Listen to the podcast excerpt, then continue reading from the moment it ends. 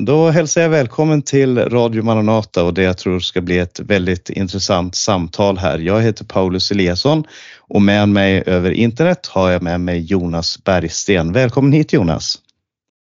Tack, vad roligt att få med.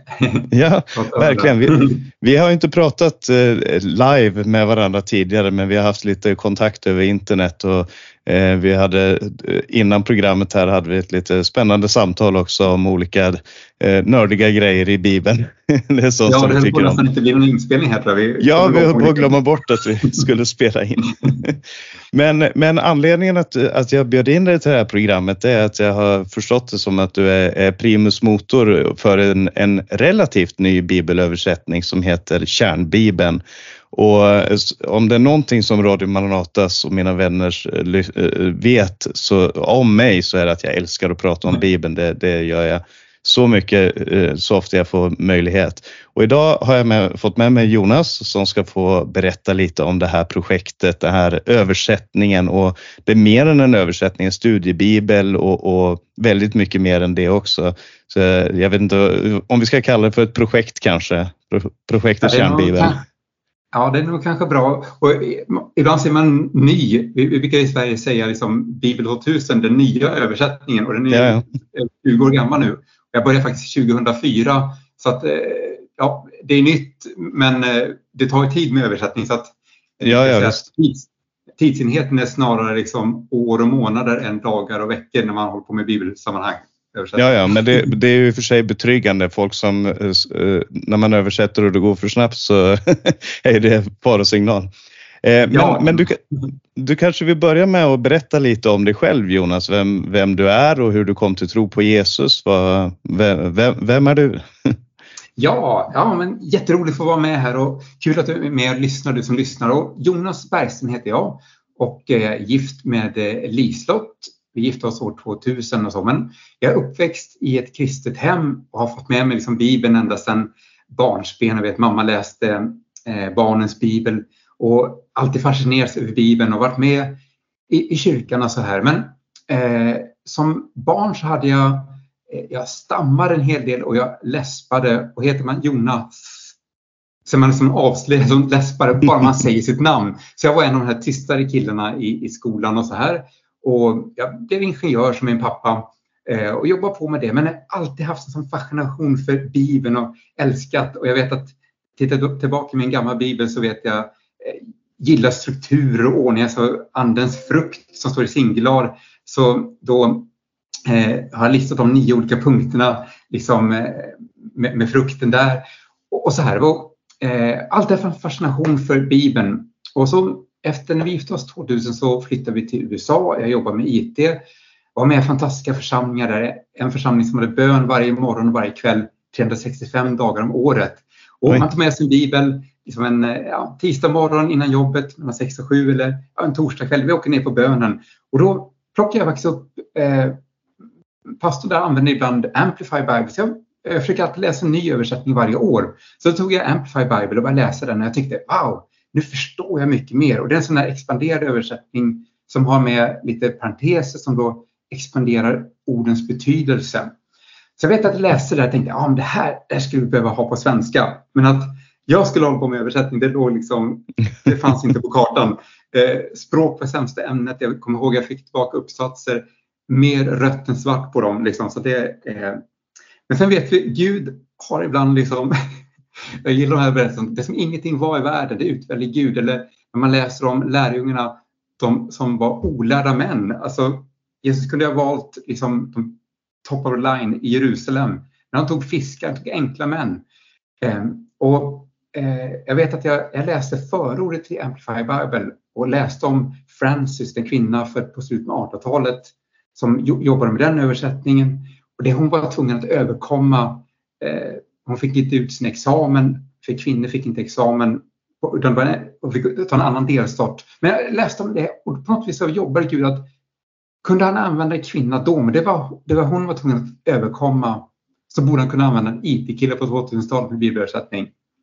Yeah. Så jag vet att jag gick till eh, Liselott eh, eh, när vi bodde i San Diego i Kalifornien och sa jag, jag tror jag ska översätta Bibeln. Och min fru liksom, ja, man är ändå realist och så här, så du vet väl att det kommer ta ett tag. Och man måste alltid göra liksom lite research så, här, så att jag, tio år brukar det ungefär ta eh, eh, att översätta Bibeln. Men det jag inte sa då är att, eller ja, att då måste vi kunna språken och du har liksom fulltid, helt liksom finansierad, är det tio års arbete ungefär. Men eh, det var 2004 och då jag började lite smått med Ordsboken och sen har det liksom gått på mer och mer. Idag så är vi över 120 personer som finns med på olika sätt, kulturläser, olika experter på olika områden som hjälper till. Så att det har gått från en enmansöversättning till att vara ett fullt stort projekt eh, med liksom att hålla ihop och vi har haft sista åren eh, lite folk anställda också hjälpa till eh, ja, eh, för att få klart GT. Och det är det jag håller på med nu med korrekturbitarna och så. Ja. ja, ja. Så du, du började med Ordspråksboken, så är det? Ja, så jag började med Ordspråksboken. Jag tycker det var en fantastisk bok som har liksom, den är så liksom, ganska så eh, mycket parallelismer och, och kortfattad och eh, också en bra bok eh, även för, för de som är inte troende att kunna liksom ta sig till Bibelns liksom, eh, en bra, väldigt fin ingång till Bibelns värld. Och så, så att det, ja, den har alltid legat mig varmt om hjärtat den boken. Ja, vad spännande. Jag, jag, eh, som ett arbetsprojekt, inte som ett översättningsprojekt, men som ett arbetsprojekt så började jag översätta eh, Johannes evangelium just för att mm. lära mig grekiska och för att lära mig att jobba med Bibeln och jobba med språket och sådär. Eh, men anledningen att jag började med Johannes evangelium är att det, det, har det enklaste språket, det är den enklaste grekiskan du hittar i, i Bibeln. Ja, språket är enkelt men, men symboliken den är ja. djup. Ja, precis. Och, och, men jag tänker ordspråksboken, just språket i ordspråksboken för att den, den använder så mycket poetiska uttryck och sånt där mm. och, och sånt som kan vara utmaning. Men det, det är spännande. Eh, så så det var, det var där, därför som du startade det här projektet Kärnbibeln eh, med tanke på eh, det du såg i Amplified Bible och, och den här elden på något sätt som började brinna i dig. Var det så att du liksom kände? Ja, det kan man säga. Och sen så jag, jag gillar lovsång och musik så att jag vet och jag gillar alltid att lösa problem. Så, här. så 2003 så gjorde vi en sida som heter Praisegate för att kunna jag tröttnade på att sitta och skriva om alla kodanalyser och transponera så att jag, vi gjorde en sida Praisegate med det. Och där så vill jag också ha in Bibeln så jag la in eh, Strongs nummer och liksom King James, de public domain-biblarna och så mejlade jag runt till alla översättningar och frågade, får vi lägga in er en översättning? Och Bibel 2000 rör sig om ett par hundratusen per år i licenskostnader var det då. Och de andra fick ingen svar ifrån. Så att, eh, och det här var ju fem år innan YouVersion som började med bibelappar och på något vis efter dess har det liksom öppnat upp och folk, Bibelsällskapet är mycket mer generösa med, med att, att få använda bibeltexterna. Men 2003 var det enorma kostnader att, om du skulle få använda mm. bibeltexten. Så en av sakerna var också, tänk att kunna få en översättning som också har en generös copyright policy som du kan få använda eh, när vi bygger upp lexikon och grejer, att ja, men de är fria att få använda. Vill någon ha liksom det här datat så använd det. Vill någon ha GPS-koordinaterna till alla platserna i Atlas, men fri, använd dem. Att vi faktiskt gör liksom fritt givet, också fritt ge liksom. Det är ja. principen i det. Ja, ja det, det, är faktiskt ganska ovanligt. Jag vet att NetBible, New English Translation, mm. de har en ganska generös eh, copyright. Eh, jag håller på att skriva en bok just nu som jag berättade om innan vi startade programmet här och jag har så många bibelcitat så jag, jag började kolla runt lite för att kolla så att det bröt några copyright-regler och det gjorde jag när jag använde den norska, nu använde den norska 2011-översättningen. Ja. Men då fick jag tillåtelse från eh, en annan översättning som heter 8807, Norsk bibel 8807. Eh, mm. som, som jag då fick skriftligt ifrån dem att, för det, det, det, är en sak att tänka på när, just när man jobbar med när man jobbar med bibeltexten att, att just det här med copyright. Men det var roligt att höra att, att ni har eh, en eh, generös eh, möjlighet till, till att, att arbeta med texten också. Ja, ja men det har varit en, liksom en, en viktig del i det hela också att få, få ge med och även fler resurser. Så jag har varit ganska mycket i Israel. Nu i det här året åkte vi runt i Jordanien, och Egypten och i Turkiet och jag fotat. Så det finns har, på min to-do-lista finns det mycket att göra men, men jag har ungefär 20 000 bilder eh, eh, som ska in till bibelatlas. Så jag har gjort det ganska lätt när jag ska bara droppa typ 50 bilder på en plats så hamnar de, kommer de ut i bibelatlasen och sådär. Men tanken, vi skulle kunna ha köpt bilder och lagt in i översättningen men då kan du inte ge bort dem. Men om jag äger bilderna, då kan jag själv också ge bort dem. Ja, så att ja. om någon använder predikan, då kan man ta en bild på liksom, Hierapolis eller Laodikeia, då finns bilder där bara att ladda ner. Och så. Alltså, nu har jag kärnbibeln här vid min sida med bilder och kartor och mycket annat som jag hittar när när jag öppnar den här bibeln. Och du har redan nämnt att, eh, om, om licensen och du har nämnt om att det är bilder. Det är, det är många bilder här. Eh, kan du berätta lite om översättningen och vad, vad som är unikt med den? Vad, du sa amplified, jämförde den med amplified och det, det är den första tanken jag också får. Men, men kan du berätta lite om vilka, eh, vad, vad, vad är speciellt med kärnbibeln? Ja, man kan väl säga att det är tre saker som är speciellt. Eh, den har parenteser som förklarar grundtextens ord. Och det kan man säga det är sånt som ord har ju ofta fler nyanser, kan betyda olika saker och ibland är det svårt att fånga det med ett svenskt ord. Eh, så då tillåts man liksom att i parenteserna förklara lite mer som agape till exempel blir osjälvisk utgivande kärlek så man får den nyansen mot stärk eller andra typer av kärlek, i filio, så att man, liksom, man kan ringa in med lite fler ord själva nyansen, verbformer i grekiskan har mycket fler verbformer än vi har på, på svenskan. Så man kan få in eh, liksom mediumformer och sånt där som finns. Så att parenteserna, liksom, det är det som finns i texten. Sen så har man alltid eh, klamrar är kan man säga noter som ligger i texten och där har du en problematik. Ska jag översätta en, en måttenhet, en längdenhet, ska man använda det måttet som Bibeln har eller ska jag göra om det till meter eller liksom någonting eh, lite, någonting som vi förstår. Men då tappar man ju liksom som, som till exempel Babylon är basen 6 på alla tal. Så när man ska böja sig inför det här eh, tornet så är det 60 anar hög och 6 anar bred. Men om du gör om det till meter så blir det liksom ja, då, då, då får du några mått som inte alls är- 120 någonting. Ja, Ja. 120. Alltså, eh, så där Du förlorar symboliken. På, ja, så att du tappar, antingen har du liksom riktiga måtten, men då tappar du, ja men hur mycket är 60 alnar? Typ 120 meter och sen är det korta långa alnar som gäller. Ja. och så här, så, men då kan man förklara det här och du kan ändå ha en klammer bakom som tar eh, en not som ligger i texten. Istället som en vanlig bibel kan du ofta få, då får du slå upp i sakupplysningar och när du väl har hittat din aln och räknat dem med miniräknare, ja nu har jag så här, och så tillbaka till texten så har du liksom tappat en minut av läsningen. Men har du en klammer så kan du, då ser du visuellt, ja men det här är en not som ligger i texten. Det står inte liksom 120 meter, det står inte i texten. Men det är tillagt av översättarna för att ändå ge dig förståelse av den här eh, texten så att du lättare liksom förstår den. Mm. Eh, så att parenteserna och klamrar och sen det sista är kan man säga layouten och bilder. Eh, för när man gör en expanderad översättning så blir det mer text.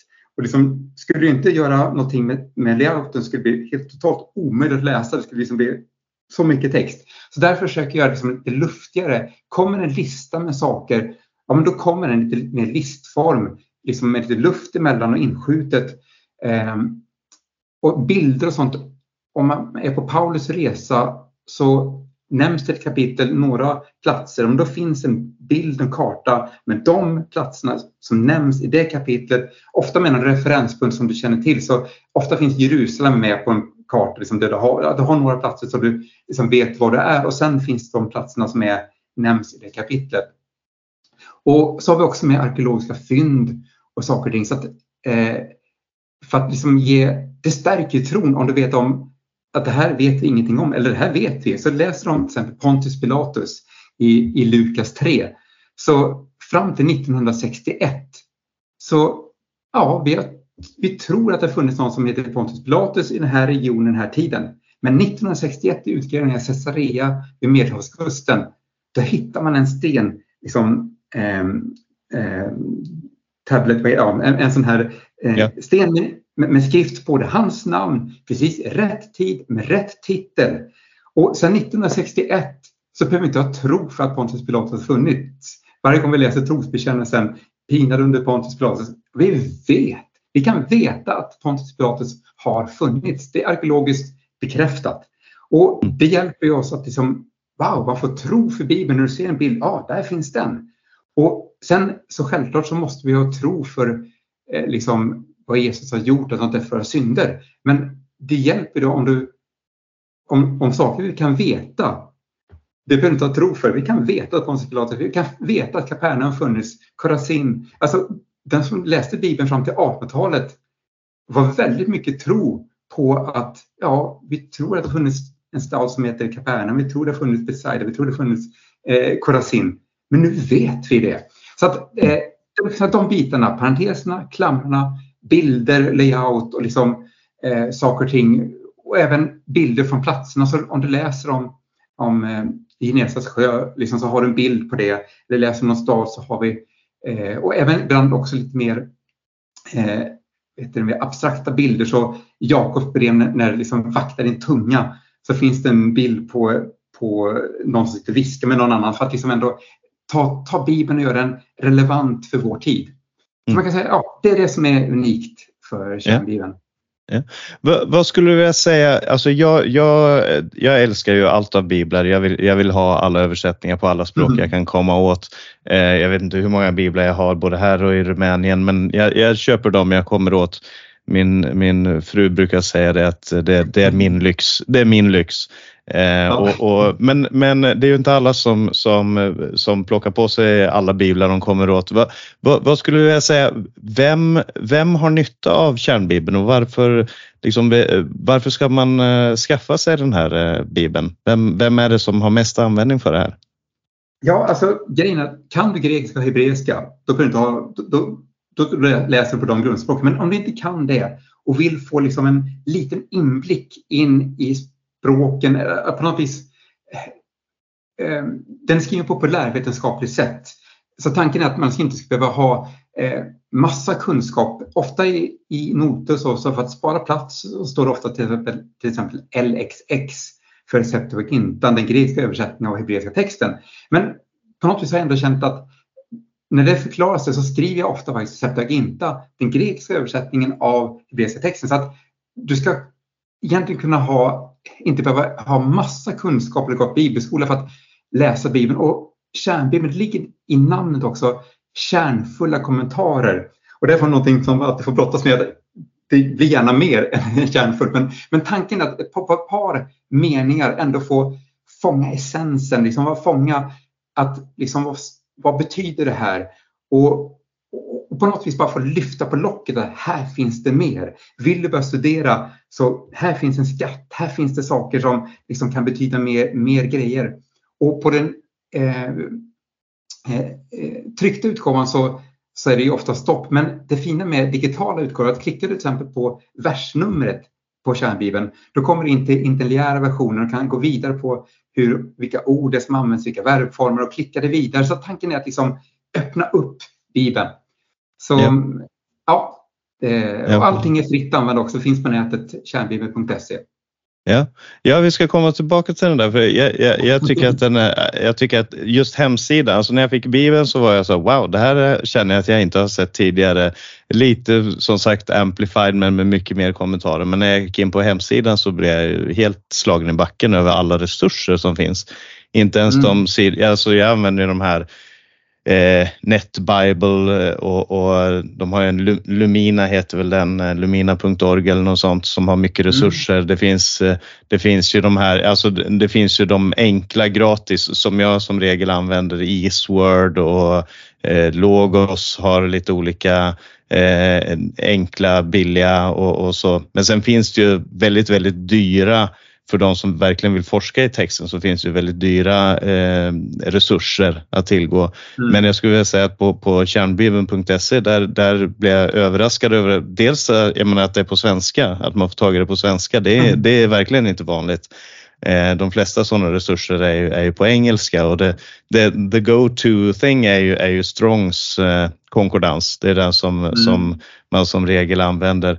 Men, men att kunna eh, få tillgång till texten på svenska, det tycker jag var, ja, det var, det var jättespännande. Och, och som sagt, det, den slår, det, det, det, öppnar också för en väldig bredd eh, just när det gäller målgruppen. För att eh, jag, jag, skulle absolut rekommendera det här till någon som har, kanske inte den som sätter sig och vill läsa Bibeln för första gången liksom och säga att här, här är en text, som, men, men för den som är på något sätt intresserad, vill på något sätt ta, ta tag i liksom och förstå lite djupare. Eh, och ända till de som, ja, kanske strax under de som själva läser hebreiska och grekiska eh, själva då liksom. Men det, det är inte så många som gör det i vår tid. Så. Mm. Men, men eh, när vi kommer in på hebreiska och grekiska, det, det är ju Nya Testamentet som, då, som har kommit ut i, i eh, i bokform och ni jobbar med Gamla Testamentet nu. Och, eh, men Nya Testamentet är översatt från grekiska och så ska jag bli lite teknisk här för att jag personligen så älskar allt som handlar om det som kallas för textkritik som är mm. forskningen kring vad som är originaltexten, ausgangstext eh, som de pratar om och, och, hur man bedömer de handskrifter som, som finns på grekiska. Eh, och, och, är det en sak som jag skulle vilja se mer av i, i next, nästa, eh, nästa version av kärnbibeln så är det ju textkritiska kommentarer. Jag, jag har sett att det finns en del, de här välkända ställena i Johannes 8, Markus eh, 16 och det här. Mm. Eh, men men, eh, men eh, det finns ju tre huvudsakliga sätt som man kan säga att folk, de som översätter Nya Testamentet går till. Eh, det är antingen att man använder det som kallas för textus receptus som är en grekisk text från sena medeltiden av eh, Erasmus från Rotterdam som, som gjorde den här. Och den användes ju flitigt i, i reformationsbiblarna, Gustav Vasas bibel, Karl XIIs bibel, eh, i, i, Norge Kristian den, Christian den fjärdes bibel, i, i, England King James version, Tyskland eh, Luthers bibel och så vidare. Men Eh, och, och Textus Receptus användes ju då under medeltiden och på modern svenska så tror jag att det bara är reformationsbibeln. Det är också ett bibelprojekt som, som använder den. I Norge är det faktiskt flera bibelöversättningar, överraskande nog moderna bibelöversättningar som använder Textus Receptus. Det andra alternativet, det andra alternativet är som eh, också flera norska översättningar använder, bland annat den 88, Norsk bibel 8807 som jag nämnde, de använder det som kallas för majoritetstexten som är, mm. eh, som är lite som Textus Receptus men eh, har inte med de här allra mest kontroversiella varianterna som till exempel första Johannes 5 och 8 i, eh, Eh, tre är de som vittnar i himlen, Fadern, Ordet och den heliga Ande och det här. Eh, men, men de flesta jag vet inte vilka svenska översättningar som har det, men i Norge så är den, ganska, så är den också ganska vanlig. Eh, den här klassiska översättningen, 1930 års översättning som motsvarar 1917 ungefär i Sverige, mm. använder den bland annat. Jag vet inte, kanske Åkesson har den i Sverige, men, men oavsett, det tredje alternativet som är det vanligaste, det är den, den Eh, som kallas för Nestlé Aland efter de två som, som startade med den här bibelöversättningen. De är ju döda båda två nu men den, den har gått generation efter generation och nu är den väl på 28 upplagan tror jag. Ja, eh, ja. jag, har, jag har fram till 27 har jag. Eh, det, mm. Så den, den, finns som en, i två olika varianter, Nestlé Alands med väldigt mycket textkritik eller, eller den här Eh, Eh, United Bible Society, UBS. Eh, den är väl på femte upplagan nu tror jag. Eh. Den, den använder också en del, den är mer för översättare eller den som vill läsa den grekiska texten som den står. Då. Eh, och det, och det, med, det, med det sagt så är det ju den, eh, den översättningen, Nestlé Aland, som, som kärnbibeln använder. Kan du berätta lite hur, hur ni tänkte? Varför valde ni just den den kritiska texten, för att säga det så, av, av eh, Bibeln? Ja, alltså det här är ett svårt och ett dilemma vad man ska göra. Och, och grejen är, alltså, även om vi utgår från 1.28 så är det inte slaviskt att du följer den utan faktiskt försöker titta på, eh, på olika ställen där det finns olika varianter. Och kanske anledningen varför jag ändå börjar med den är att eh, ofta så finns liksom det, det, är oftast mer text i de andra. Alltså, eh, ja. som, och då kan vi faktiskt lägga dem i klamrar. Så att på något vis så funkar det, det, det är lättare och om man skulle utgå från andra ska man ha klamrar så att den här finns inte med. Så på något vis är det lättare att utgå från den minsta texten och ha klamrar och fylla på mer. Eh, mm. och, eh, och vissa ställen Eh, men det här är någonting som eh, ett tag började göra fotnoter för den här skillnaden men inser att det här det tar ju det är ett helt livstid nästan bara det eh, och jobba med det här och gå igenom allting. Så vad vi har gjort är att gå, klickar man på en, en vers så kommer du kunna, då ser man eh, har vi gjort databastekniskt så att du kan lägga in ett antal olika grundtexter och automatiskt så räknas det ut skillnaden och visar i färg, vilket ord saknas, inte finns här. Den räknar ut vilken har fler ord och mindre ord. Och där är tanken att lägga in fler av de här texterna och även enskilda manuskript. För det är ganska kul att se eh, om du har bara fragment som är ett kapitel, liksom något, något av P-manuskripten, eh, kunna se vad är det som står här i det och vad är skillnaden där? Och faktiskt också ge läsaren en möjlighet att liksom gå in och verkligen djupstudera vilka manuskript har här. Så att där kan man säga att jag var tvungen att börja någonstans. Alltså, jag börjar lära mig språken, jag börjar med Ordboken eh, och sen går vidare till liksom Nya Testamentet. Ja, någonstans får man dra, ja, men jag, jag får ta en text och börja med den. Och sen, fast sen är det inte slaviskt utan vi faktiskt har en del där, där det står, till exempel bönen Fader vår, så den sista avslutningen finns med där och så vissa okay. han lägger till. Så att, den är inte slaviskt än och faktiskt så har jag inte skrivit någonstans. Jag brukar alltid få, jag har inte gått ut med vilken text jag använder utan folk brukar mejla och fråga och då säger jag det. Utan det står faktiskt ingenstans vilken jag använder. Okay. Eh. Jag, jag trodde jag såg det i inledningen här men det kan hända att jag... att kanske, jag, läste. jag kanske har lagt till, för det, i princip är det den jag utgår ifrån men ja, det, ja. hittar du det får du Ja, ja, för det, det är sånt där som jag, som jag älskar att, att kolla liksom, vad har man ja, använt här. Det brukar Ja. Det kan hända kanske om man har lagt till det i sista utgåvan, det är fjärde upplagan. Men, men jag har för mig att vi faktiskt eh, folk brukar alltid mejla om det, vilken det utgår ifrån och då får jag ja. förklara lite mer om det hela. Ja. Men jag behöver nog skriva det och lite mer om det här ändå. Den som kommer komma i hela Bibeln kommer att stå lite mer. Och där kan man säga, man tittar på hebreiska texterna, Bibel 2000 i Sverige lutar sig ganska mycket mot Septuagintan, grekiska översättningen. Men vi försöker alltid gå tillbaka till, till hebreiskan, alltså titta där. Sen förklarar man utifrån det vad, vad grekiskan har. Men, men den fyller ofta på eh, saker som saknas och lägger till som man inte riktigt vet var kommer från, var som kommer från var, vilket håll. Mm. Så, ja, ja. Nej, men, är det med, Ja, jättespännande, verkligen. Och, och det här är ju sånt som om eh, när, och eh, få se det komma in i, i översättningen här eller i, på, på nätet det kommer göra att jag använder den här karnbibeln.se ännu mer.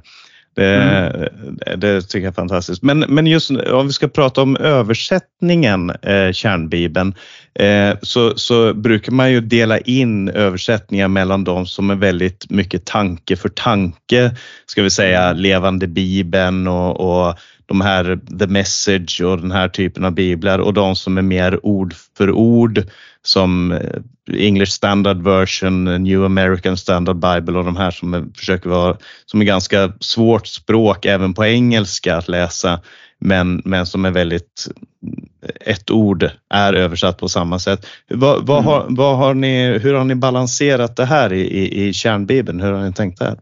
Ja, alltså tanken är ganska mycket ord för ord. Eh, och det fina med en expanderad översättning är att du kan ha en parentes bakom som eh, så ofta tar man och försöker ta ett ord som får ett huvudord för ordet. Sen kan du nyansera lite i parentesen bakom och då kan du använda fler ord. Men det fina är att då ser du ändå att i parentesen, även om det kommer fler ord i parentesen, så vet du om att det var ett ord från början. Sen har ju hebreiskan ofta liksom eh, prefix och suffix som eh, det blir flera ord på svenska för ett ord. Men, eh, men för ofta är det ganska så, också ganska bokstavlig eh, betydelse. Den första, om man tar till exempel ordet eh, ära, kavod på hebreiska, så, så betyder det också tyngd. Men, men där har vi liksom, översätter man ära, men så finns det i en parentes bakom att du får med att det betyder tyngd också. Så då liksom breddar man läsaren så jag får med att ah, här står det ära, men liksom också ordet tyngd finns med och det har vi på svenska, liksom det tyngd bakom någons ord. Alltså så här, så vi, mm. Det finns både det här bokstavliga, bildliga, eh, Eh, men hebreiskan är oftast väldigt liksom, eh, rakt på sak och väldigt liksom, eh, till exempel hebreiska ordet nar för, för en yngling är att skaka sig loss, skaka sig fri. Och det beskriver någon som är i tonårstiden, man skakar sig loss från sina föräldrar. Ordet för eh, ett mindre barn, ett, för ett ord som att små steg som springer och en, en, en typ en 7, 8, 9-åring, det springer runt, det är mycket spring. Så det finns ofta en väldigt liksom, precis betydelse, en liksom väldigt bokstavlig betydelse i orden. Eh, så att allt sånt här, sen kan man inte få fram allting, men i lexikonen så finns de här sakerna och ibland liksom lyfter vi fram lite av de här sakerna då. Så det kan man ja. säga, och, och särskilt kanske i, i eh, där det finns kiasmer och den typen av ord, där det är upprepningar, där är ju väldigt bokstavliga och, och ordföljden är liksom ganska så stolpig. Det följer liksom den hebreiska och särskilt i alfabetiska salmer där det första ordet i hebreiskan liksom följer alfabet, himmel, det som går igenom där, då, då försöker vi sätta det ordet först. Så det blir ganska så, men, men i poesi så funkar det ändå ganska bra att det blir som inte perfekt svenska grammatiskt hur du skulle säga det. Men det blir poetiskt och du får liksom huvudordet, det ordet som står först i hebreiskan, som börjar på den bokstaven, det kommer först även på, i svenskan. Så du får liksom den här rytmen i de här sakerna. Så att, eh, ganska så ord för ord, eller alltså mycket mer åt det hållet. Men sen finns i parenteserna och klamrarna finns mer av den här kanske tanken bakom och då kan du expandera den. Så att mm. den går från det ordagranna ut mot liksom det bokstavliga. Och ibland tvärtom också för att liksom, men du har med båda två. Mm.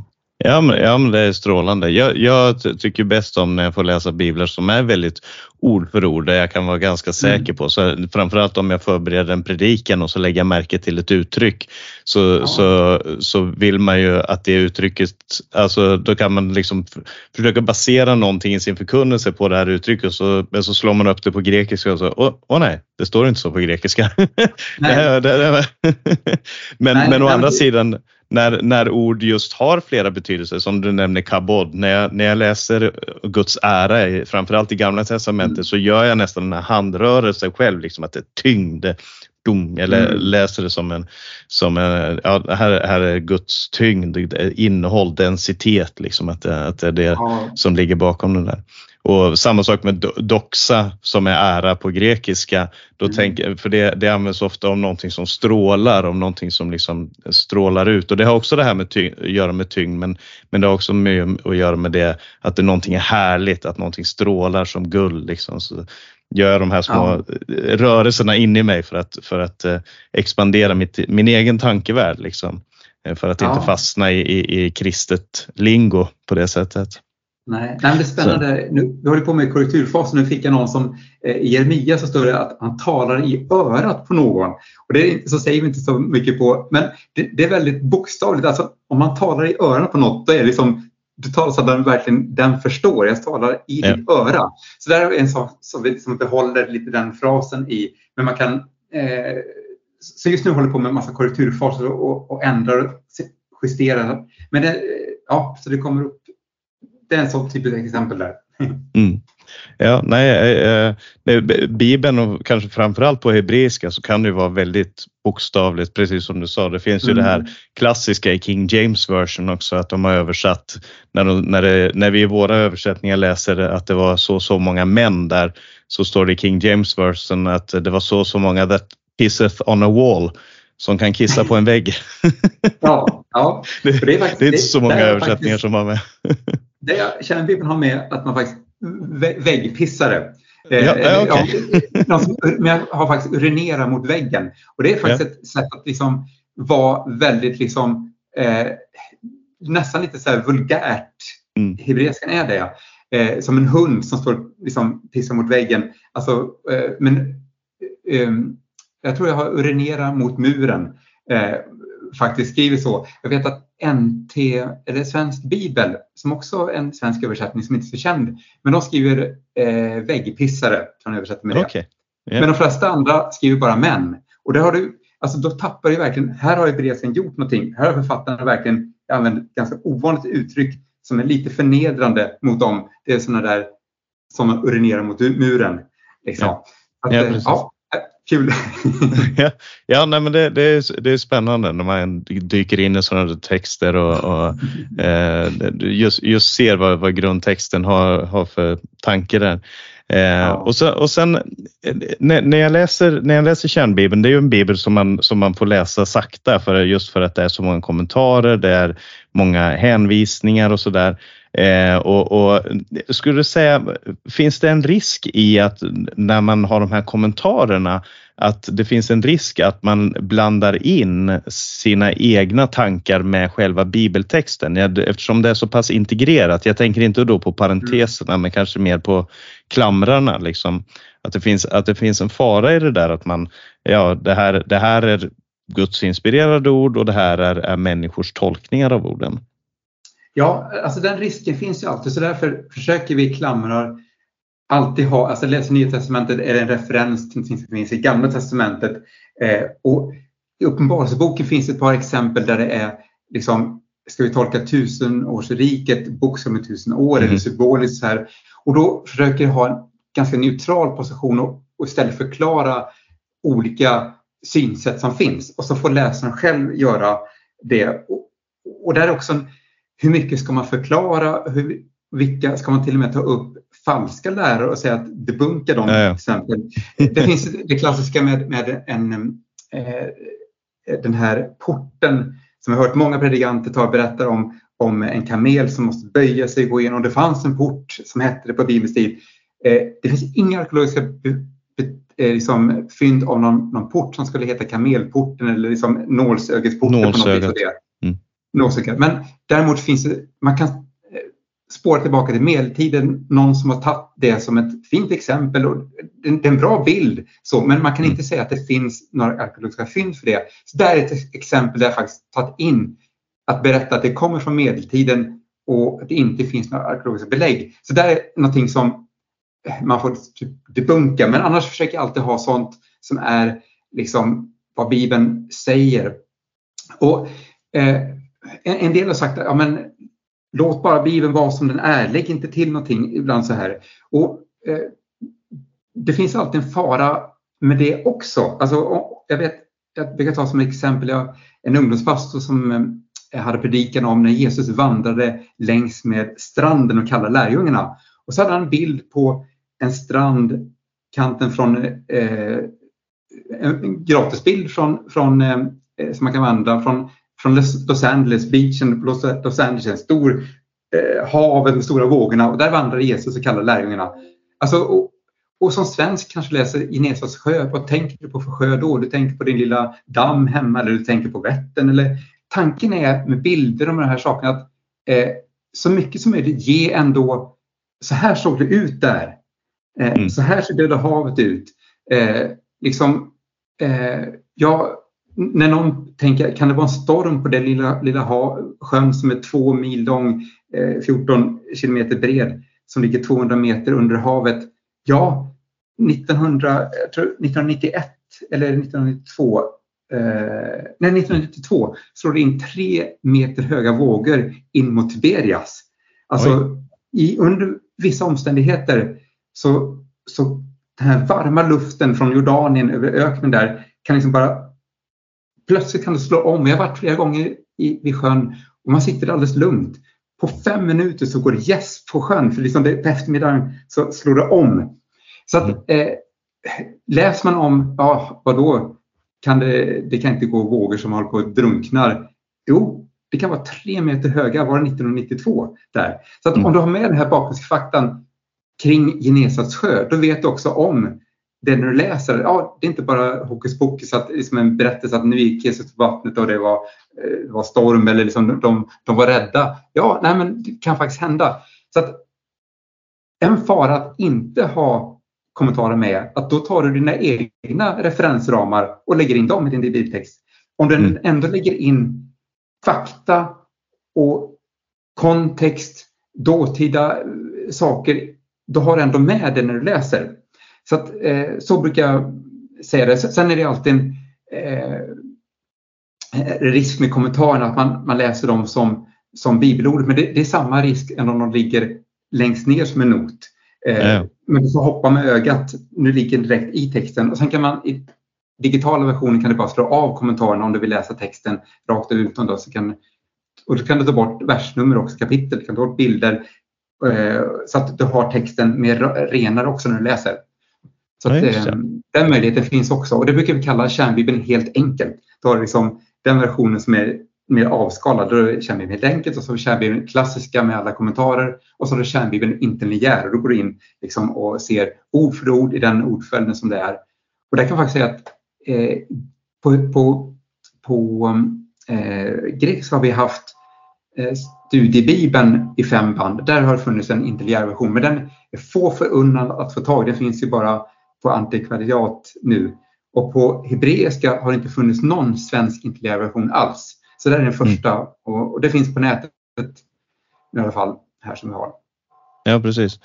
Ja det stämmer. Att, eh, jag, jag, har, jag har studiebibeln här men så har vi också ett antikvariat i källaren så vi har eh, tillgång till mycket, mycket ja. böcker och biblar. Mm. Eh, och, och, och, nej, men det, det är spännande och, och, när, det, när det gäller eh, mer när det gäller de här eh, kommentarerna. Eh, en sak som jag tyckte var väldigt spännande som jag själv inte har, har gett mig så väldigt mycket in i det är att det eh, ofta och, och, och framförallt på hemsidan också har haft mycket om numerologi i Bibeln och mm. i, jag, menar, jag, jag, studerar just nu Johannes uppenbarelse som förberedelse för lite eh, rörprogram och sådär.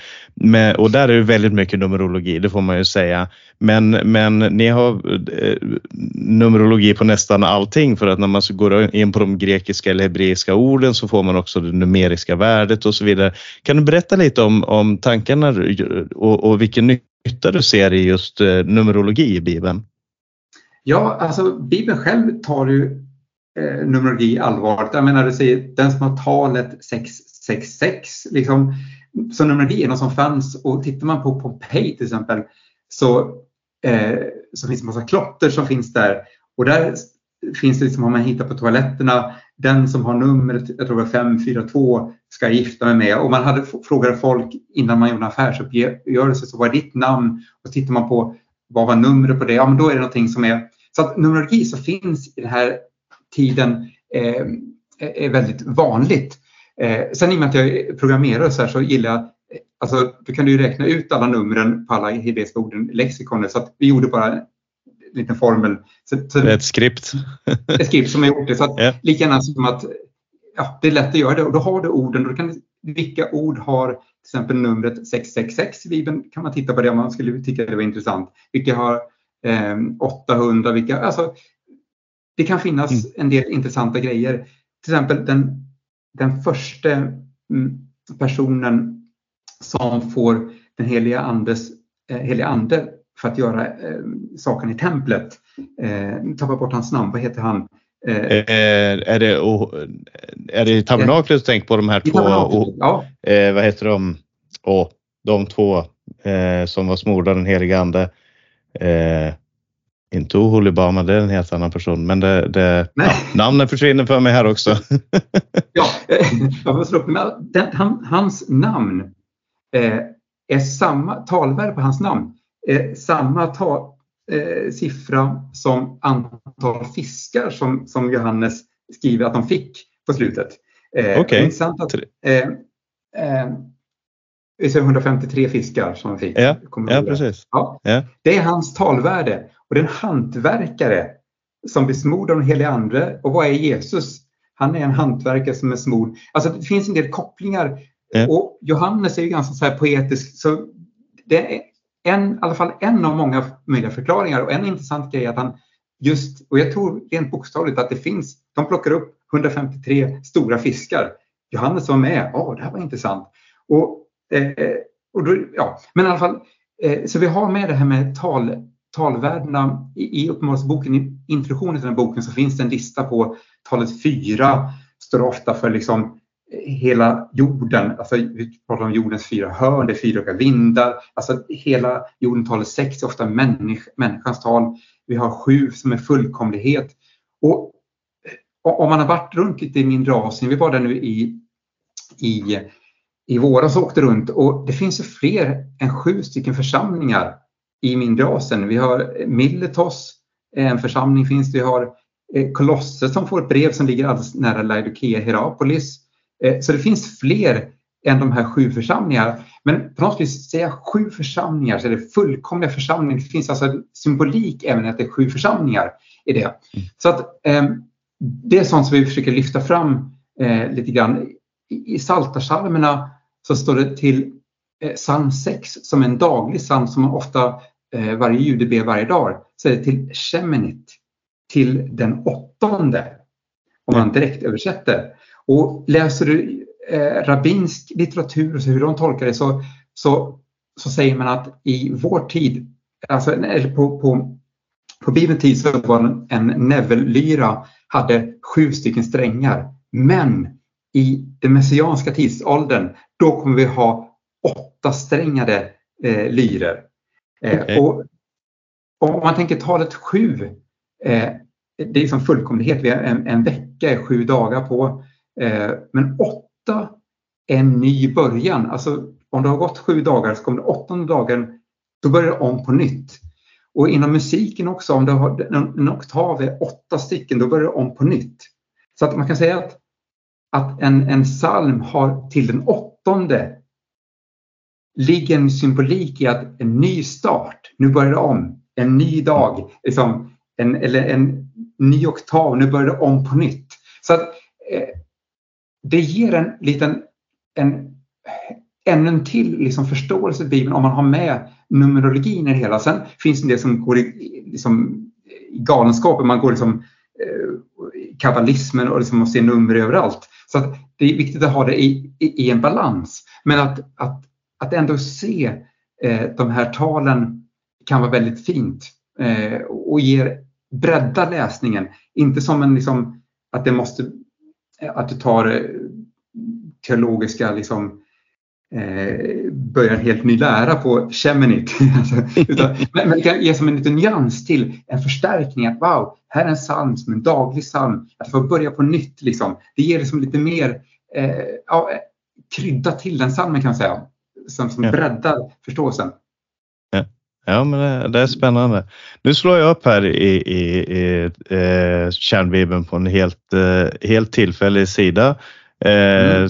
Andra Thessalonikerbrevet Eh, kapitel 1 så, så står det här till Thessalonikes församling eh, i Gud vår fader och Herren Jesus den smorde. Eh, och det här är ju någonting som är väldigt typiskt och som man kommer lägga märke till med en gång man, man läser det här. Eh, Titus 3, vers 6, som han rikligen sköljde oss, över oss genom Jesus den smorde. Och så står det då i parentes Messias Kristus, vår frälsare. Det här är ju väldigt ovanligt, eller det finns väl eh, vilken bibel var det jag läste här om sisten som hade den smorde? Det var någon, eh, var det Sven? Ja, den kommer jag inte ihåg. Men, men det, det finns någon eh, lite, lite mindre känd eh, svensk översättning som har den smorde. Va, hur, hur, eh, varför valde ni att göra det här? Kristus är ju ett ganska etablerat uttryck. Eh, ja, vad var tanken? ja, nej, tanken är så här att vill på något vis kärnbevis också vis på helheten i Bibeln. Liksom, eh, när man läser, om man börjar i Gamla Testamentet, då läser man smorda kungar och vi har den smorde som blir Messias, liksom direkt translerat av blir ju det Messias eh, som ska komma. Så att när man läser det i, i vad översättare har gjort i Gamla Testamentet är man har översatt eh, att smörja till till att liksom, eh, smörja. Vi har fått den direktöversättningen på det. Eh, vad som händer sen i grekiskan så översätter man ju eh, att smörja med eh, Christos som är liksom ordet för smörja på den smorde på, på grekiska. Sen har det ordet blivit liksom ett eget ord av det som har hamnat med. Men för, bara för att göra eh, vi har, vi har pratat ett tag, men jag kan bara ta en kort liksom, liknelse. Om vi ja. skulle säga att vi har vår kung, eh, kung Gustav, Gustav Vasa på 1500-talet i Sverige. Låt säga att vi har, skulle ha ett par skrifter som är på, liksom innan dess som pratar om en, vi kommer att ha en smord kung som, het, som kommer att komma på 1500-talet. Så, här. så i, i de här svenska skrifterna, vi har, låt säga att vi har 39 stycken böcker på svenska där står det om kungar som blir smorda och det kommer komma en smord kung och vi, vi tror han kommer heta Gustav någonting liksom så här. Men ja, då säger vi har de böckerna på svenska. Och sen så händer det att Norge tar över Sverige. Liksom. Norska är det språk som gäller i hela, alla pratar norska. Och eh, då är det liksom, eh, då börjar man prata om, visst säger man det, smurte, smurte tror jag. Ja, smurt eller salvet är väl, salvet. är väl det vanligaste. Ja, salvet. salvet. Ja. Då, då, har vi den, den salvete konungen som ska, ja. som ska komma och, det, och de blir salvete olika kungar. Och så har vi 27 böcker som skriver liksom, och det är fantastiskt om den här eh, smurtekungen som har kommit, eller du sa, vad sa du? Salvet. Den salvete. Den salvete. salvete. Och till och med de som har förstått vem den här salvete är, de börjar kalla salvetister. Det är salvetisterna som är där. Liksom. Och, och det, är, det är salvete. Och det var från början ett skällsord, de där som tror på salvete Gustav. Som fick skällsordet salvetisterna. Sen, låt säga att jag nu låter gå några hundra år till och så är jag i USA. Och så ska jag översätta de här gamla svenska skrifterna som jag hade om den smorde kungen Gustav. Vi har också de norska skrifterna som har om den salvete eh, kungen Gustav och, och salvetisterna. Hur ska jag då översätta på engelska? När jag tar de här svenska skrifterna då kommer jag börja översätta. Ja, då översätter vi eh, The Anointed King Gustav. Och så kommer jag till de här norska skrifterna. Eh, då borde jag egentligen översätta eh, the, sal, eh, the Anointed Gustav the Salvete. Men då har salvete blivit ett helt eget litet ord som har kommit in även i engelska. Eh, eh, salvetists kallas de här som är tro på, på salvete. Så vad man ofta gör då är att ja, men vi, vi tar det här nya ordet och översätter. Problemet är att eh, om du är svensk och så läser du den här engelska bibeln så tycker du nästan wow, de har stulit vår, eh, vår smorde och kallat det salvete kung. Det är ju, det är ju, det är ju smorde Gustav och så säger de salvete Gustav och så har norskarna tagit liksom det svenska uttrycket. Så att, men om man tar över det här på, på engelska så har du tre alternativ. Du kan översätta med anointed. Du kan ta translitererade svenska ordet eh, smorde. Eller du kan ta translitererade norska ordet salvete. Ja. Och där, problemet är att om jag, om jag konsekvent översätter, då kommer jag se anointed. Då kan man se både, ja, det är samma ord anointed i de gamla svenska skrifterna som i de gamla norska skrifterna. Men om jag tar bara salvete, då frikopplar man liksom ett translittererat ord. Och när du läser, eh, och, och tar vi tillbaka nu till, till Kristusbiten, så är det, om jag läser i ett nytestamentligt brev där det står eh, the, den smorde, då kopplar man, wow, det här låter lite Gammaltestamentet nästan. Och, och, man får in att det är den Messias som, som Gamla testamentet talar om. Eh, eh, och du skulle kunna skriva liksom Messias istället med Kristus, men då tar du ett annat translitererat ord. Så därför har vi faktiskt valt att ta den smorde. Och så finns det en annan fördel med det också, för tar en vanlig svensk så tror man ofta att Jesus är förnamnet och Kristus är efternamnet. Men då får du med att Kristus faktiskt är den smorde, en titel på vem Jesus är. Ja, det blev en lång förklaring. Men, men, ja, men, men det är intressant. Spännande. det är lite så har vi tänkt att faktiskt liksom koppla ihop det och även faktiskt en, en har man varit i Israel ett par gånger så vet man att om man pratar med någon och säger är, är du kristen till en jude så är det nästan att det, det ligger svårt i att, att, att, säga att man är kristen. Man säger att man är messiastroende jude. Mm. Och på något vis så en, en jude som läser en bibel och, och hela tiden läser om den här Kristus så är det liksom ett, man har liksom nästan stulit det begreppet. Och det ligger så mycket av, av antisemitism och grejer i det ordet. Men eh, tanken är också att en, en, en svensk eh, jude som läser kärbibeln ska också kunna känna sig hemma med apens smorde. Att det faktiskt inte eh, ligger en, ett bagage i ordet Kristus. Men samtidigt så för en vanlig svensk så ligger det fantastiskt med Kristus. Åh, det är Kristus som, i Kristus vi är. Så, så därför finns även Kristus med i parentesen den smorde Messias, Kristus. Så det finns med där, så du har det. Men, men det här är väldigt svårt grej, svårt att förklara kort, men i alla fall försök lägga upp, liksom så här har vi, har vi tänkt med det hela. Ja.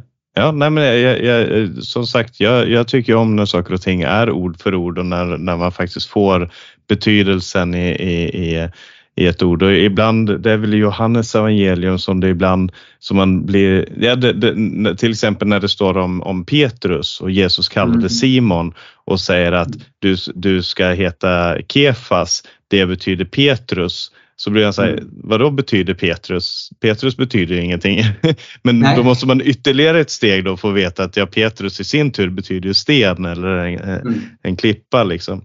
Eh, så det, det, det är lite intressant. Eller, och, och, ibland så finns ju också oöversatta ord i, i eh, alltså ord från hebreiska eller arameiska eh, som är oöversatta på grekiska, sånt där som Maranata, halleluja, rabbi, mm amen och, och, och liknande. Mm. Så det, det är ju ja. intressant. Så, men, ja. Att du nämner Johannes där, jag bara flika in att han är faktiskt den enda som använder translittererat Messias två gånger i eh, Johannes 1. Han förklarar att eh, Messias, det är det som är Kristus. Ja, just det, och det är det. Johannes som förklarar, han skriver ju sitt evangelium ganska sent, liksom, eh, kring 90-talet efter Kristus. På den tiden så har Galileiska sjön bytt namn till Tiberias sjön. Så han förklarar Tiberias sjön, som också kallas Galileiska sjön. Så faktiskt, när vi höll på, eh, det var för ett par år sedan, liksom, hur ska jag göra med Kristus? Ska jag skriva Kristus och bara göra enkelt som alla andra översättningar gör? Eller ska jag faktiskt ta något smorde? Så landade i faktiskt, eh, Johannes 1 och 40 någonstans där, där han skriver, där, skriver, där gör han faktiskt expanderingen. Han förklarar att Messias, ja, som på grekiska är den smorde. Så mm. det fick vi som faktiskt vägledning han gör det här, han gör ju expanderingar på, på fler saker. Så där fick faktiskt vara, där landade vi, ja men det här kan vi faktiskt göra, vi följer Johannes exempel. Ja, ja. Och, och, en annan sak som jag ser när, när, när det gäller kommentarerna och, och, är att det är ganska annorlunda kommentarer än jag har i många av mina andra biblar. Jag har allt, allt möjligt av kommentarer Eh, inte minst den här studiebibeln som du nämnde.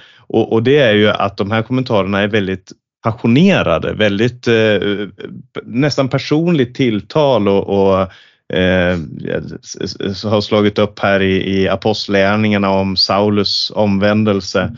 Står det som kommentarer. Saulus har mycket att bearbeta. Hela hans värld har förändrats. Han behövde omvärdera sin tolkning av Gamla testamentet, frälsning, sitt förhållande till människorna på vägen, hans uppdrag och så vidare. Eh, och, det är jag helt enig i och, och, det jag har läst av kommentarer tycker jag är jag menar, eh, fantastiskt och sådär. Men, men just det, det, är ett väldigt personligt tilltal i de här kommentarerna som eh, både gör det kanske enklare att läsa men som också är ganska annorlunda mot, mot många andra kommentarer. Är det, är det ett medvetet val eller är det ett uttryck av din personlighet eller de som du jobbar med? Vad, vad är tanken där? Ja, alltså grejen är att det, det, är svårt att inte bli fascinerad av Bibeln. Så att, eh, men ibland får jag nästan begränsa mig lite och nu har jag går igenom även NT och liksom eh, korrekturläser mycket och ibland så har jag också märkt att eh, man behöver inte ge allting till läsaren. Ibland kan det faktiskt vara bra att hålla tillbaka lite. För att om du själv får en liksom wow, alltså koppla ihop saker. Om, du, om det blir någonting egen så blir det nästan ännu större om man skriver en läs på näsan att det här är superstort. Och liksom, liksom, så att jag tonar kanske ner lite av eh, bitarna ibland. Men det är svårt att hålla tillbaka om någonting är så fantastiskt. Liksom, så att det får på något vis finnas med lite av, eh, ändå få lysa igenom eh, lite den fascinationen över Bibeln också i det hela. Men, mm. eh, men kanske eh, du måste också få en jämnhet i kommentarerna så att det, det kommer ske lite, lite grejer liksom i, inför utgivningen av helbibel också som, så att det inte sticker iväg för mycket eh, och, och sådär. Så att, liksom, och, nu, nu, finns inga sådana, men liksom personligen, det ska inte vara små egna, egna berättelser, det får inte vara på det sättet. Men, nej, nej. men att det får lysa igenom lite av fascinationen, det ser jag inget problem med. Utan jag tycker det faktiskt är, Bibeln är en fascinerande bok och liksom när orden får bli levande gjorda. Och, och, och tanken med den här översättningen är inte på att jag har en översättning till på, för att ha hemma på en hylla, utan att alltså, om inte Bibeln får göra någonting med vårt hjärta, liksom, om jag är fortfarande skäller på min fru eller om jag, om jag håller på att bete mig illa med folk, om jag inte får göra någonting med mitt hjärta, då är det inget värt hur mycket jag kan och kan rabbla den utan till. Utan den måste få göra någonting med oss. Så att liksom, det är längtan också med den här översättningen. Att, att, faktiskt, att den gör någonting med vårt, att vår kärlek till Jesus, till Guds ord, att den bara får bli starkare. Det, mm. ja. Ja, precis. Och nu som vi har nämnt flera gånger här så jobbar ni då med, med översättningen av Gamla Testamentet och, eh, och att ge ut en ny fysisk bibel. Jag antar att den inte blir du nämnde att det inte blir i samma papper för den här är ganska tjock. om, vi ska lägga till, om vi ska lägga till två tredjedelar eller vad Gamla Testamentet är till, till det här, så tre fjärdedelar nästan, så, så blir det mycket. Ja. Eh, men, men var, var står ni i arbetet nu? Vad, vad, vad är på gång för att säga det så? Ja, just nu så är det väldigt mycket korrektur. Vi kom i mål faktiskt med varje vers översatt här i våras i mars. Eh, Okej, okay, grattis. Att man går in, ja, det är en fantastisk dag att få liksom 2023 03 03. Och det är också kul att det datumet är liksom som dyslektiker som jag också är, men det, det håller på att bli bättre och bättre på det. Men det är liksom dyslektikersäkrat när det är 0303. Jag kan inte blanda ihop ja, ja. det. Det funkar. Men och så är det eh, tre stycken treor och två stycken tvåor. Väldigt fint. Ja, Guds timing, numerologin fin där också, bara i datumet. Men, men alltså, eh, när man fått varje vers översatt så kan man gå in i en ny fas. Så nu har vi, eh, jag nämnde att det finns många olika frivilliga som är med. Så jag har en, en kille som började för ett antal år sedan eh, och gick igenom en grekiska lexikon och översatte ord för ord. Det är en lokförare som som jobbar varannan vecka. Så han, sitter, han har lagt tusentals timmar och bara gjort grejer. Men det är andra som läser in varje hebreiskt ord, andra som klipper filerna och lägger in. Så det är många som jobbar på olika sätt. Eh, och är du någon nörd på något område så liksom, kolla gärna de orden, för vi lägger upp varje ord i lexikonet är också kopplat till en kategori. Så att liksom man samlar ord som har med mått att göra, vi samlar ord som har med liksom, fåglar och djur och grejer. Så att är, har du något område, kolla de orden och är du så expert så hör gärna av dig. Gillar du liksom stenar eller gillar du vad, vad den är. Det finns i Bibeln så, så hjälp gärna till om du har liksom, kolla upp de orden. Men vad vi gör nu är att vi går igenom lexikonen, bygger upp beskrivningar på varje ord och samtidigt kollar upp att liksom, det är konsekvent översatt. Eh, vi kopplar orden till synonymer så man kan se, går man in på ett ord eh, för tid så har du de två olika orden i grekiskan för tid, liksom, eh, Kairos eller Kronos, så du kan se synonymerna. Eh, och, och, så har vi massa folk som korrekturläser och hör av sig. Eh, så det är väldigt liksom eh, mycket som händer just nu, men fantastiskt eh, tid att få vara, vara, finnas med i. Eh, och de sista åren har det gått från att ha suttit själv och översatta i början till att ha mm. över 100 personer som finns med på olika sätt. Och det räcker bara att liksom 15 av dem mejlar en gång i veckan så har du ganska mycket jobb att bara hantera logistiken av korrekturläsning hittills. Så att det har gått eh, liksom, till att ta hand om ett stort projekt och liksom i det hela. Men, men eh, Gud är trofast i allting och även fast allting är ideellt, jag jobbar fortfarande ideellt så har vi kunnat ha, jag har en, en eh, kille som hjälper till nu, eh, jobbar 80% med IT-bitarna som hjälper till med dem och vi har tagit en del av de här, eller tagit eh, royaltypengarna lagt in i att kunna anställa lite folk. Så vi hade en kvinna på, eh, på en projektanställning förra året som hjälpte till och gjorde hebreiska grovöversättning. Eh, så hon tog 300 versar i veckan och gjorde det. För jag frågade Gud, liksom, med den här farten kommer det dröja till 20 år innan jag blir klar. Med, med men, det gjorde att vi kunde liksom snabba på det hela processen. Så att. Ehm, ja, där är vi nu och på hemsidan finns det liksom Eh, persongalleri så alla personer finns inlagda. Du kan se vem föräldern är, deras barn. Eh, du kan se eh, vilka ord som de kopplar till. Eh, lexikonen har kopplat, går in på ett hebreiskt ord kan du se vad Septuagintan använder för ord att översätta den. Det är kopplat i, i exakta vilka grammatiska former ordet finns. Till exempel ordet fattig, intressant att i, i GT så används det nästan alltid i singular. Men många översättningar liksom, att vi ska tänka på de fattiga, men i, i bibelhebreiskan är det den fattige. Och det blir väldigt mm. mycket mer personligt än att tänka på alla fattiga. Du tänker, vem är din fattige?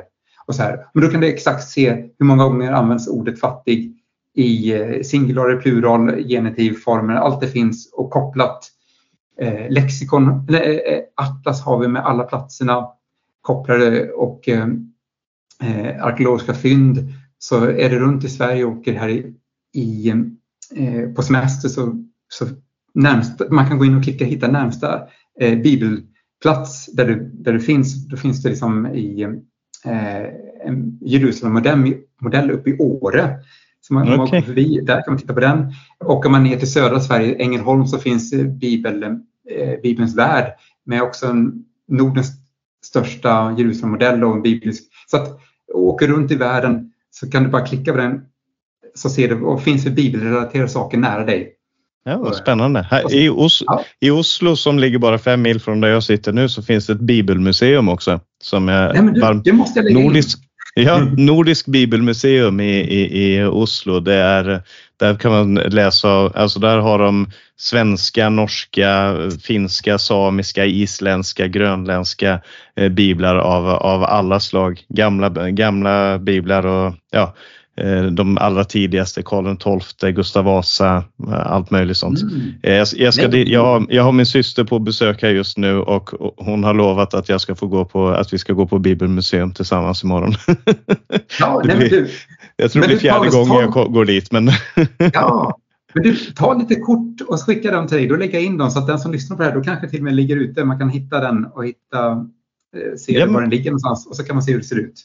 Ja, men det, det kan jag absolut göra. Absolut. Ja, det, ska jag det är sånt här som är så roligt. Alltså, många hjälper till på olika sätt som kommer till av liksom små saker som finns med. Det finns nog 20-tal personer som varit och tagit kort på bibliska platser som har gett mig gett kärnbibeln till oss att använda, använda deras bilder och så här. Mm. Och det är fantastiskt hur många människor bidrar och det är så stort att se Gud hjälper med det. Ja. Ja, jag, jag, har en liten lista här på, på olika bibelord och sånt som jag tänkte skicka, skicka till er. Nu känns det, jag känner mig lite skyldig med tanke på hur mycket jobb du har. Men, eh, men det är lite så här, kom, kommentarer och tankar omkring olika bibelord. Så ja. nej, men det, det, det, är jättespännande och verkligen spännande det som, det som uh, sker just nu. Vi får lägga fram det här för, för våra lyssnare eh, som, som ett bönämne att, att det här mm. får nå ut. Jag såg att ni, det, det, här ligger också på YouVersion, är det så? Den bibelappen? Ja, det stämmer. Ja, vi har tankat upp det där. Eh, problemet är att där finns ju inte bilder och eh, formatering. Vi har jobbat, jag har jobbat med de utvecklarna där så att eh, men det är inte samma sätt att du kan inte klicka på en vers och komma till grundtexten där. Men Nej. texten finns där. Och vi jobbar också med, det finns en app på, för Android. Eh, Apple har inte godkänt vår app.